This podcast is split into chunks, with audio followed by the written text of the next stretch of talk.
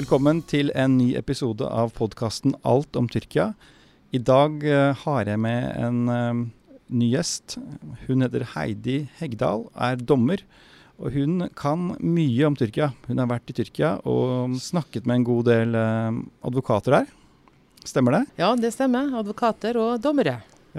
Hvorfor dro du til Tyrkia? Det var egentlig litt tilfeldig. Jeg er medlem av um, Dommerforeningens menneskerettighetsutvalg og har uh, drevet med rettsstatsbygging i uh, Øst-Europa bl.a. Og har interessert meg for det. Og så kom det opp en forespørsel om jeg kunne tenke meg å være med på Penn International sin, sin tur til Tyrkia i januar 2017. Og det tenkte jeg det høres spennende ut. eh, For vi har jo lenge i Dommerforeningen i Norge og vært bekymret for den utviklingen som har vært i domstolen i, i Tyrkia. Så da ble jeg med på det. Eh, og der var vi med på både eh, Penn International sitt opplegg, og så hadde vi da òg møter selv da fra, med dommere og advokater som vi traff der. Hvor mange ganger har du vært i Tyrkia nå?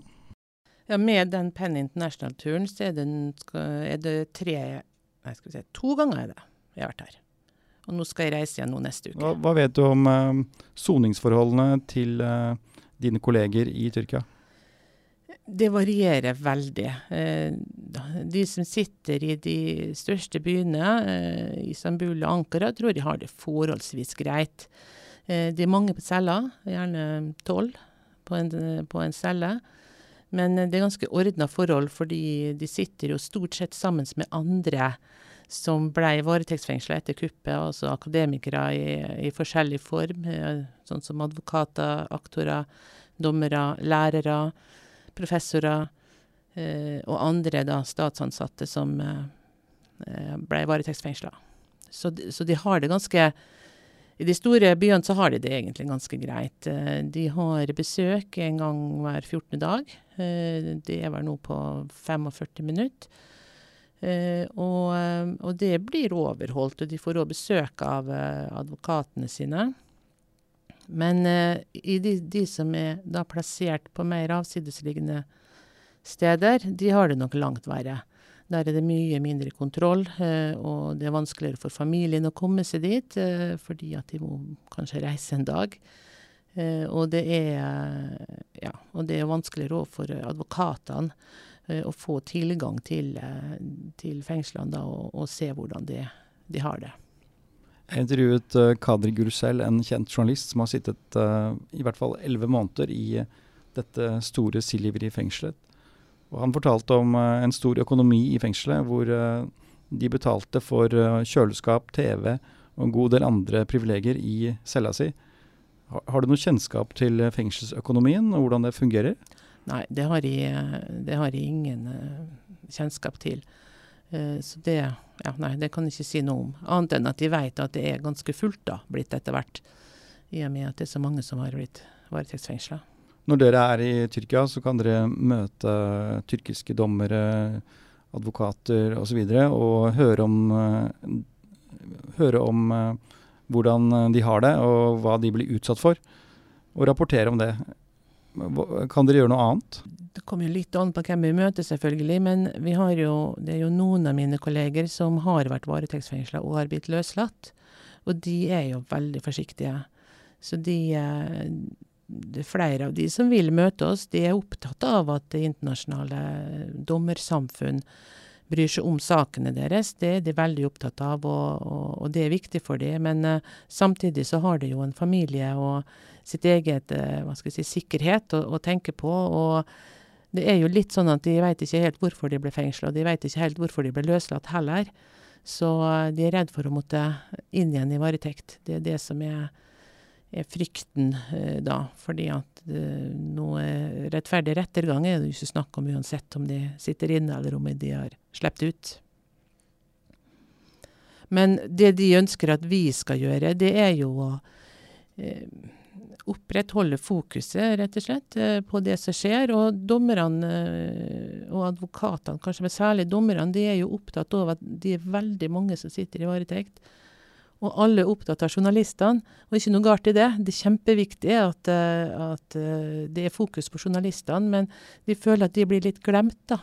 At journalistene og pressen, både internasjonalt og ja, Nasjonalt er det jo litt vanskeligere med, men i hvert fall internasjonalt er veldig opptatt av de journalistene og forfatterne som sitter i, i, i varetekt, men mindre opptatt av dommerne. Og Det er noe som de ønsker at vi da skal sette fokus på. Og så ønsker de òg det samme som, som, journalistene, at vi skal presse på eh, Menneskerettighetsdomstolen. At de skal begynne å ta sakene.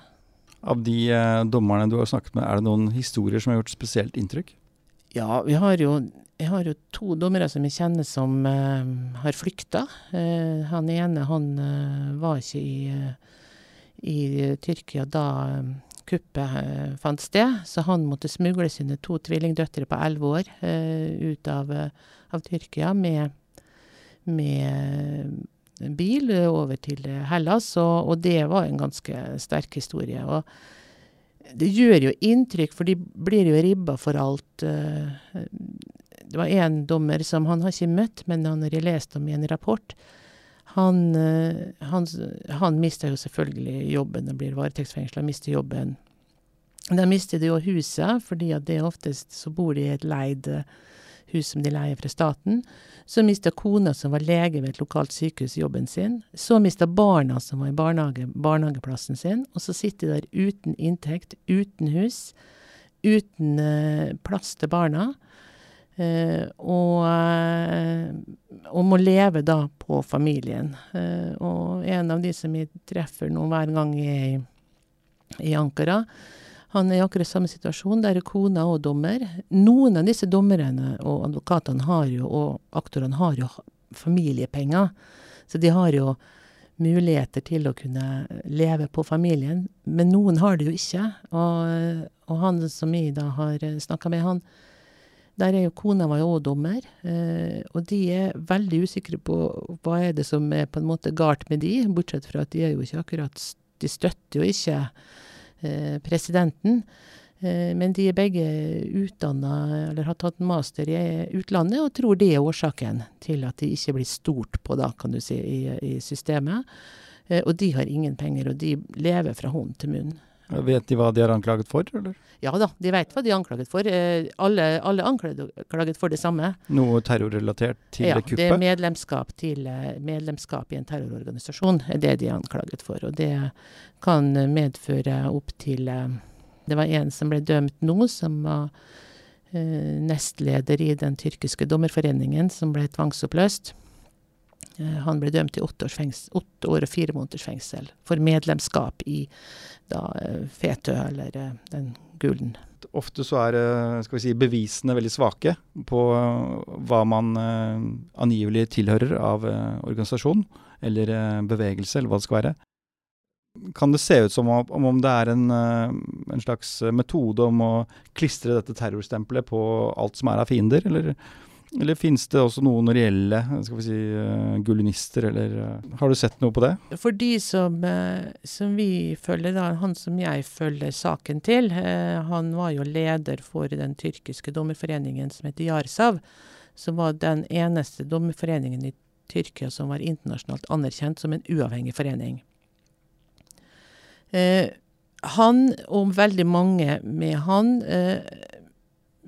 ser ut til at det er det samme, det er det samme tiltalen på alle. Og den er kjempelang, den er på 200 sider og, og noe sånt, og bare noe av det er individualisert. Eh, og eh, det er veldig svake bevis, eh, sånn som vi ser det. I, I, en norsk rettssal vil ikke det holde til en varetektsfengsling. Men om det er noen som har vært medlemmer av den FETØ, det tenker jeg at det godt kan ha vært. Eh, og og, men vi er ikke så veldig opptatt av det, egentlig. Det vi er opptatt av, er om de får en rettferdig rettergang, om bevisene holder. Eh, og eh, en annen ting er jo spørsmålet om FETU er en terroristorganisasjon. Eh, det er jo på en måte Vil jo i vårt system være det første hinderet du måtte gå over, da. Eh, og, eh, og, det tar ikke vi noe stilling til, vi som observerer saken. Vi er nøytrale når det gjelder sånn sett selve tiltalen. Men, Men eh, det er jo det samme som går igjen. Det er svake bevis. Det er sånne såkalte confessor witnesses. Altså da dommere, gjerne, som Eller aktorer som selv er anklaget, og selv har vært varetektsfengslet, og som tilstår for å få enten slippe ut eller få en mildere straff. Og, og hvis at de da hvis at de da eh, tilstår, så eh, må de helst da angi noen av sine eh, egne. Nå er jo Tyrkia veldig sånn delt i veldig mange fløyer, så det er jo ikke sånn at de nødvendigvis stoler på hverandre, de forskjellige dommere heller. Det er jo 15 000-16 000 av det. Så jeg antar det at de har den samme kan si, nesten fordelingen som ellers i Tyrkia. Eh, men vi er ikke så opptatt av det. Vi er bare opptatt av om, eh, om de får en rettferdig rettergang. Og så er det klart at så lenge som du blir varetektsfengsla eller mister jobben din hvis du ikke følger en linje som, eh, den linjen som presidenten har satt, så har du jo heller ingen uavhengig eh, domstol. Har de noen mulighet til appell eller å få saken sin prøvd høyere opp i Tyrkia? Ja da, det har de egentlig, men det er jo det samme hele linja, da. Det sitter jo de samme dommerne. De som sitter igjen de som sitter igjen, kan jo en ikke tenke er uavhengige og upartiske. Kan man bestikke de eh, dommerne? Eh, altså hvis man, er, hvis man, er, dommer i Tyrkia og sitter anklaget med en generisk tiltale, som kanskje mange hundre har fått på seg, kan man bestikke dommeren og gå fri? Eller er det ikke så enkelt? Nei, jeg, jeg, jeg, tror ikke det. For jeg tror det at hvis det at de skulle bli løslatt og gå fri, så må det være etter ordre fra høyeste hold. Og det er ikke fra, en, er ikke fra den høyeste domstolen den ordren kommer. Eh, sånn at de tror ikke det er mulig, faktisk. Men, for de slipper ikke løs uten at de har fått beskjed om at det er greit. Så det er ikke loven som, eh, som følges, det er en uh, egen uh, I hvert fall sånn som vi vurderer, vi vurderer det, da. I og med at det klart det har en chilling effekt på hele systemet at nesten 3000 er i varetekt. Og, de, og disse uh, dommerne som er anklaget, uh, vil jo ha vi si, større muligheter enn vanlige folk til å følge opp sakene sine, siden de kjenner lovverket? Ja, det, de tror jeg nok. Eh, for mange av de sitter jo sammen nå.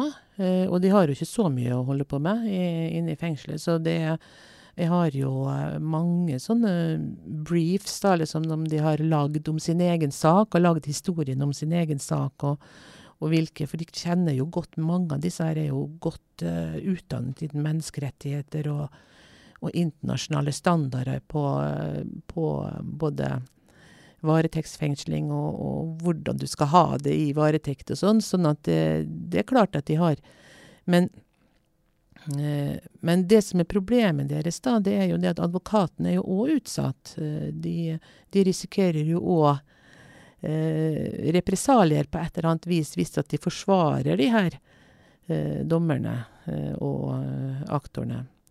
Eh, sånn at derfor så er det mange advokater som ikke vil, vil eh, ta i de sakene. for de risikerer jo Det er mange saker å ta i i et land som Tyrkia, så de trenger jo ikke nødvendigvis å ta disse her. Eh, sånn at det er vanskelig for de å få gode advokater, og det er vanskelig for de å få betalt advokatene, for de har ingenting å leve av lenger. Eh, og eh, Derfor så har vi faktisk en dommer i, i Sveits som har opprettet et fond for å betale for juridisk hjelp da, til de dommerne som sitter der, eller rett og slett betale for at de kan få besøk av familien sin, for det koster penger, eller rett og slett til mat. Uh, så jeg tror nok det er de som sitter der med de terrortiltalene, enten det er journalister, advokater, dommere eller andre ja, parlamentarikere eller uh, akademikere, så, så, er det vanskelig for dem fordi at eh, de som tar sakene deres, risikerer eh, ja, represalier, rett og slett, eller selv blir varetektsfengslet. Jeg har selv opplevd at i Tyrkia så er nettverk veldig viktig hvis man skal eh, komme noen vei. hvis man skal komme i kontakt med noen viktige folk, så må man først snakke med noen andre som, som åpner sitt nettverk, som hjelper deg videre. Og det hjelper, det hjelper ikke å ha telefonnummeret til Oran Pamuk eller en annen kjent person. Du må bli presentert for den personen. Da. Er dette noe du har opplevd selv når du har uh, vært i Tyrkia? At uh, du må gå de riktige veiene for å få snakke med folk, eller du, kommer du rett til uh, den rette personen sånn? Til dommerne så kommer vi rett til. De, det er ikke noe vanskelig. Men, men, jeg har jo møtt han som er leder for den tyrkiske um, advokatforeningen. Og den, han er jo da leder for 100 000 advokater og 40 000 advokatformektiger. Så han er en mektig person. Han hadde vi aldri fått møtt uten at uh, vi ble introdusert. Men det var jo da via vår egen ambassade, som vi òg jobber tett sammen med. Hva slags makt har han? Hva kan han oppnå? Han leder jo egentlig òg en uavhengig forening. Uh, så jeg tror egentlig han har ganske stor makt. Hvis man definerer makt som uh, evnen til å få gjennomført sin vilje, hva kan han gjøre for å bedre situasjonen for advokater og dommere i Tyrkia? Han var litt uklar på det selv, så jeg tror at jeg skal egentlig bare la være å svare på det. For at jeg har nok mine tanker om hva han kunne ha gjort, men i og med at han selv var litt usikker på hva det hva han kunne gjøre personlig. Men han er jo veldig opptatt av at, at advokatene er liksom de siste på en måte uavhengige, da. Eh, igjen i, eh, i, det tyrkiske rettsvesenet, fordi at de er jo på en måte sin egen herre. Eh, men eh, jeg tror ikke han har helt rett i det, da. Jeg har jo snakket med advokater som får fratatt advokatbevillingen sin, og som blir varetektsfengslet, og som blir da eh, persona non grata i, i alle sammenhenger. En annen ting eh, som en av dommerne fortalte meg om, er jo at de blir jo merket i registeret at de har vært f.eks. de som er varetektsfengslet, som da slipper ut. De blir jo eh, merket som om de skulle, som i et folkeregister, så får de på en måte en slags De kaller det for en rød dott, eller en rød prikk, som viser at de er under eh, mistanke for eh, medlemskap i en terrororganisasjon. Og dermed så får de ikke andre jobber heller. Så hvis de skulle f.eks. tenke seg å jobbe på en bar eller et eller annet, så er det ingen som vil ansette det. Av at de har den uh, anklagen hengende over seg. Og sakene tar veldig, veldig lang tid før de kommer opp. Jeg glemte helt å spørre om du vil ha kaffe eller te da vi kom inn her. Det beklager jeg. Kaffe og te, i hvert fall te, chai, er veldig viktig i Tyrkia. De drikker chai hele tiden, og alle arbeidsplasser har noen som henter te. De kaller det for chai-ji. Hva er din opplevelse med de uh, høflighetsrutinene og etikettene i Tyrkia? Har du, har du lært deg chai-systemet? Jeg har ikke lært meg chai-systemet, men det jeg har bestemt meg for nå når du sier det, at det skal jeg lære meg når jeg kommer dit neste uke. For det er helt sikkert en av de dommerne som vil lære meg det. Eh, nei, men jeg må si eh, Jeg hadde aldri vært i Tyrkia før jeg var der i januar i fjor. og jeg ble veldig overraska. Jeg hadde tenkt på tyrkerne som eh, kanskje litt eh, Ja, kanskje litt inneslutta, litt sånn strenge. Eh, og eh, Ja. Um, men det inntrykket har jeg ikke nå. Det må jeg si, altså. Det er et veldig vennlig, gjestfritt eh, folk som er Ja som, eh, og ting fungerer jo på mange vis. Eh, selv om vi er opptatt av den delen som ikke fungerer, så er det jo mye som fungerer der. Og det Ja, maten er jo veldig god og Så jeg har fått et veldig, veldig positivt inntrykk av, av Tyrkia, det må jeg si. Som utenlandsk journalist i, i, Tyrkia så må man være ganske forsiktig og ta sine forholdsregler. Annet um, hvor man gjør intervjuer, hvem man intervjuer, hvordan man går frem. Man må passe på hvor man tar bilder, og hvor man kan filme. Tar du også um, noen sånne forhåndsregler når du er i Tyrkia, eller er det litt sånn at du er, du er ganske fri der? Fordi du har en, en veldig sterk posisjon? Nei, altså jeg, jeg, tror egentlig jeg ikke nødvendigvis har en sterk posisjon, men jeg tror egentlig går under radaren. Uh, og det uh, Og det um, Altså at det rett og slett ikke er viktig nok, da, for å si det sånn. Uh, men vi tar noen forhåndsregler. Vi bruker jo bru Legger jo ingenting ut på sosiale medier, f.eks., eller Og mange av de vi snakker med, vil jo helst møtes på kafeer der de er kjent, der de føler seg trygge. vi bruker taxi når vi skal møtes, og vi anonymiserer rapportene. og tar ikke bilde av noen. eller noe egentlig som ikke kan være helt greit, i tilfelle mobilen blir borte. så noen forhåndsregler må vi jo, må vi jo ta og kommunisere med, med applikasjoner som er kryptert, f.eks. Hva skal du gjøre på neste tur? Vi er flere dommere som er sammen om dette her da, i Europa. Og da skal vi uh, følge saken til en som heter Morat Arslan, som var leder for den uh, tyrkiske dommerforeningen som heter Jarsav. Og uh, han fikk i fjor, i november i fjor, en menneskerettighetspris. Vaslak Havels menneskerettighetspris, som deles ut av Europarådet. Eh, han har ennå ikke fått pengene, for de vil bli beslaglagt umiddelbart. Eh, eh, og det er jo en del av beviset for at du er terrorist, eller medlem av en terroristorganisasjon, er jo òg at du mottar penger fra utlandet. Sånn at Ja. Så det er hans sak vi skal følge, da. Og hans, han har hatt Han har sittet i varetekt siden oktober 2016. Og han har hatt Nå er det fjerde eh, høringen, da, i hans sak. Eh, og nå har han fått en ny tiltale, eh, som han fikk i april. Eh, som enda ikke har vært prøvd, da, og det er at han skal være leder av en terroristorganisasjon. Så de nye anklagene mot han er at han da vært en av lederne i Fetu. Da. Vet du noe om soningsforholdene hans? Ja da, det vet jeg godt. Jeg kjenner koda hans. Så, så, han bor på en celle med tolv personer. Eh, det er jo trangt. Eh, det er, han, det er klager på, fra advokaten hans på forholdene. En annen ting med de forholdene i fengselet er jo at hvis det at du skulle opponere mot noe, så får du det jo verre inne i fengselet òg. Og han ble jo bl.a. fratatt rett til å få besøk av kona si for at han klagde på Eh, på forholdene i fengselet. da. Han, han klager jo òg på at han ikke får lese internasjonale bøker, f.eks. Jeg tror at når det gjelder mat og sånn, så er det sånn eh, noenlunde greit, men det er jo liten plass til lufting. Eh, og det er mange som deler på det. Sånn at det er absolutt ikke noe gode forhold i, i fengselet. Og vi eh, får jo ikke besøke han. Um, så um, Eh, så det er jo kona da, og advokaten hans. Som, advokaten er en veldig dyktig advokat. da. Hun er, eh, sitter i Venezia-kommisjonen og er en internasjonal menneskerettighetsadvokat. Han er jo opptatt av å holde seg orientert om det som skjer utenfor, og, og det får han bare gjennom advokaten sin. da. Beskjed om det, og kona, da, til en viss grad.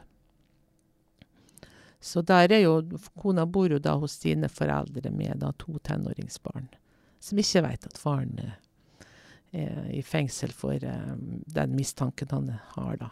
Er det noen bevegelse i saken hans som Nei. tyder på at det kan slippe ut? Eller? Nei. Uh, ingen, uh, ingen, tror at han uh, slipper ut. ja, hvis, at de, hvis at den nye anklagen på en måte blir stående, da, så risikerer han jo livstidsfengsel. Tyrkia har jo vært under flere ulike regimer, og det har vært militærdiktatur flere ganger i Tyrkia. Det kan jo hende at de, eh, de som lever oppi det nå, har noen erfaringer fra tidligere som gjør at de klarer å holde ut på en måte. Det er jo det som er så eh, Det som vi blir så imponert over, da, er jo eh, for det første hvor modige de er. De som tør å liksom stå imot, og når de vet hva de risikerer, og det at de møter også. Det andre er jo den, hva skal jeg si de spøker jo med det hele tiden, og det er jo sånn som uh, kan jo bli litt satt ut av innimellom. Men de har jo på en måte en slags sånn selvironi en, uh, som er jo veldig fascinerende, da. De holder jo ut på sitt vis, de som ikke er enige med regjeringen. Du har kanskje noen dommervitser? Nei, det tror jeg ikke. Kan. Ikke når kommer på noe, i hvert fall. Tusen takk for at du kom på besøk i podkasten Alt om Tyrkia. Takk, takk for at du vil komme.